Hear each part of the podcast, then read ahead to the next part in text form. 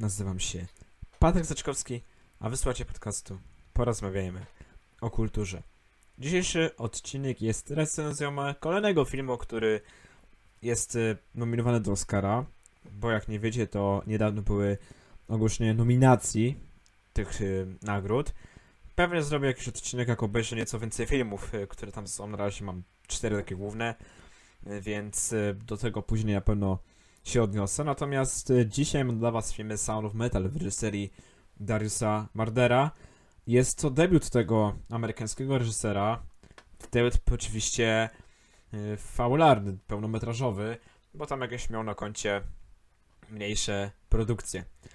I o czym jest ten film? Y, Film opowiada historię Rubena, który jest grany przez Riza Ahmeda.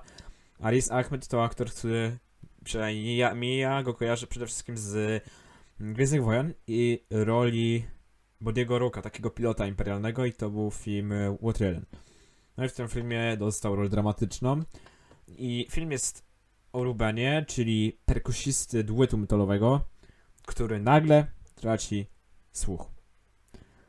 I tak y, przeżywamy razem z niego jego losy. I będzie to recenzja bezspoilerowa na początku wspomnę, żeby nie psuć komuś y, przyjemności z oglądania, bo moim zdaniem ten film jest świetny, więc y, nie chcę, żeby komuś y, przepadła taka możliwość zobaczenia takiego świetnego filmu. No i przede wszystkim chciałem pochwalić reżyserię i montaż dźwięku, jakby te dwie rzeczy oraz Riz- Riza Ahmeda. No, Riz Ahmed w tym filmie jest genialny. Przede wszystkim y, pokazuje wszystkie emocje związane z nagłą utratą słuchu i to dosyć wa- ważną część, y, ważny narząd, bo wiemy, że dla muzyka słuch jest bardzo, bardzo ważny. I tutaj mamy elementy, kiedy jest zdesperowany, kiedy nie wie co zrobić, jest zdruzgotany, jest zły na wszystkich i na wszystko. I wszystkie te emocje pokazuje znakomicie, a nawet więcej niż znakomicie.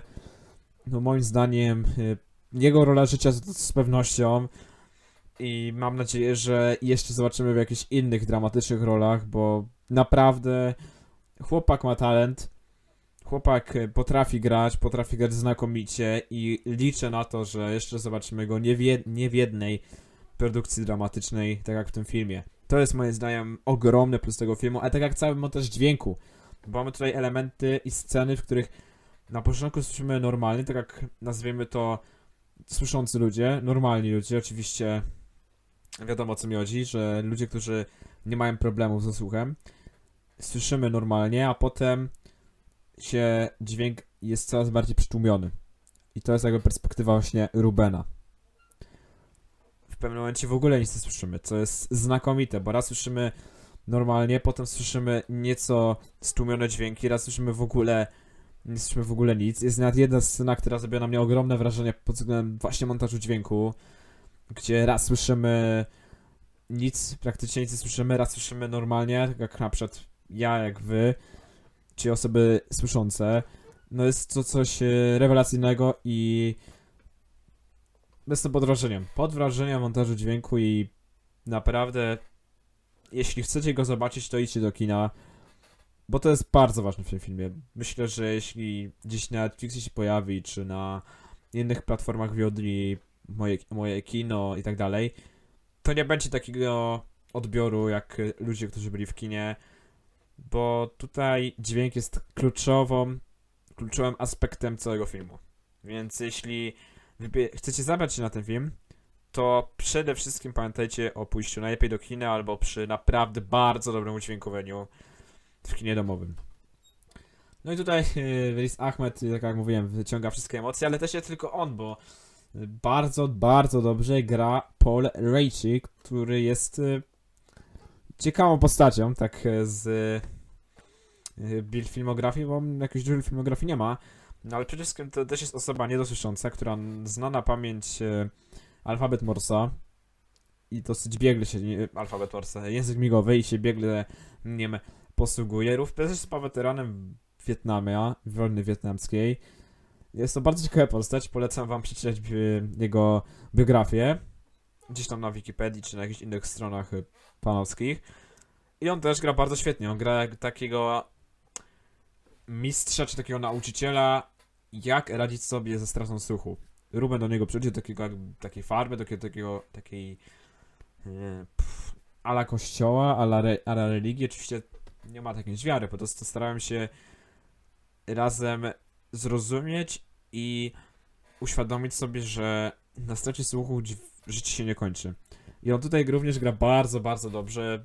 Bardzo mi się podoba w tym filmie. Cała ta. mm, Cała, cały ten wątek to taki. Chyba to jest akt drugi cały.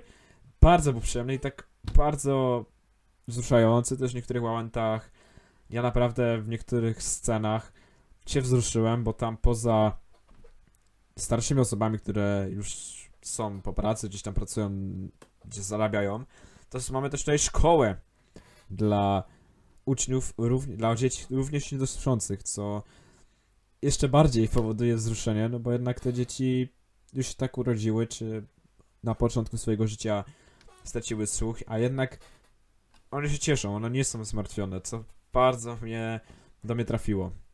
I cały ten właśnie wątek, cały akt drugi jest y, zdecydowanie najlepszą częścią tego filmu. Akt pierwszy jest y, po, powiedzmy w porządku, bo wtedy się dowiaduje Ruben, że traci słuch przede wszystkim. No, ale akt drugi cały ten film robi, bo jest bardzo klimatyczny, bardzo też powolny i bardzo taki melancholijny w niektórych momentach. I tak samo właśnie ten montaż dźwięku też wpływa w niektórych scenach, jak mówiłem, właśnie w tym akcie drugim. Ten film oczywiście nie jest y, idealny, nie jest arcydziełem i muszę się do czegoś przyczepić.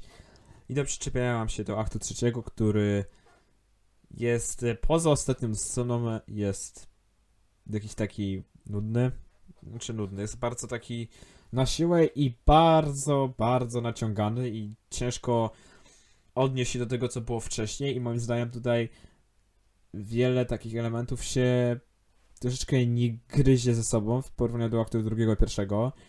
I całe to zakończenie nie tyle co się rozczarowałem, bo moim zdaniem jest bardzo dobre, ale cała ta otoczka to, co było przed całym zakończeniem, coś we mnie nie grało i coś tak jakby nie trafiło do mnie. Mimo wszystko.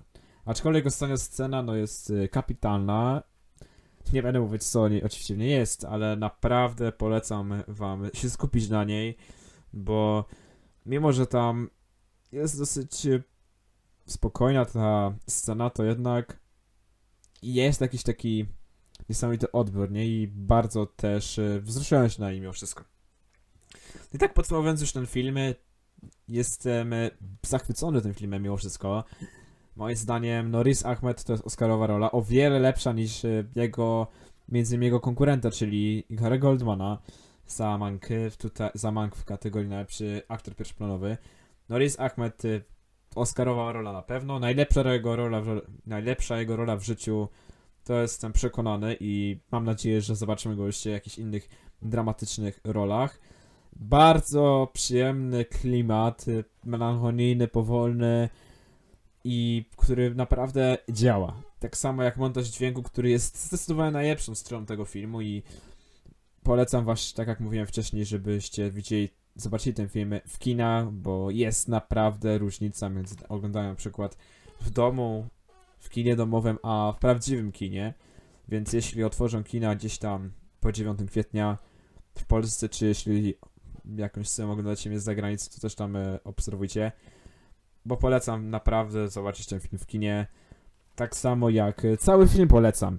Ode mnie otrzymuje 9 na 10. Bardzo wysoka ocena, ale moim zdaniem zasługuje na tak, na tak wysoką, ale z całą pewnością odzwierciedlającą ocenę.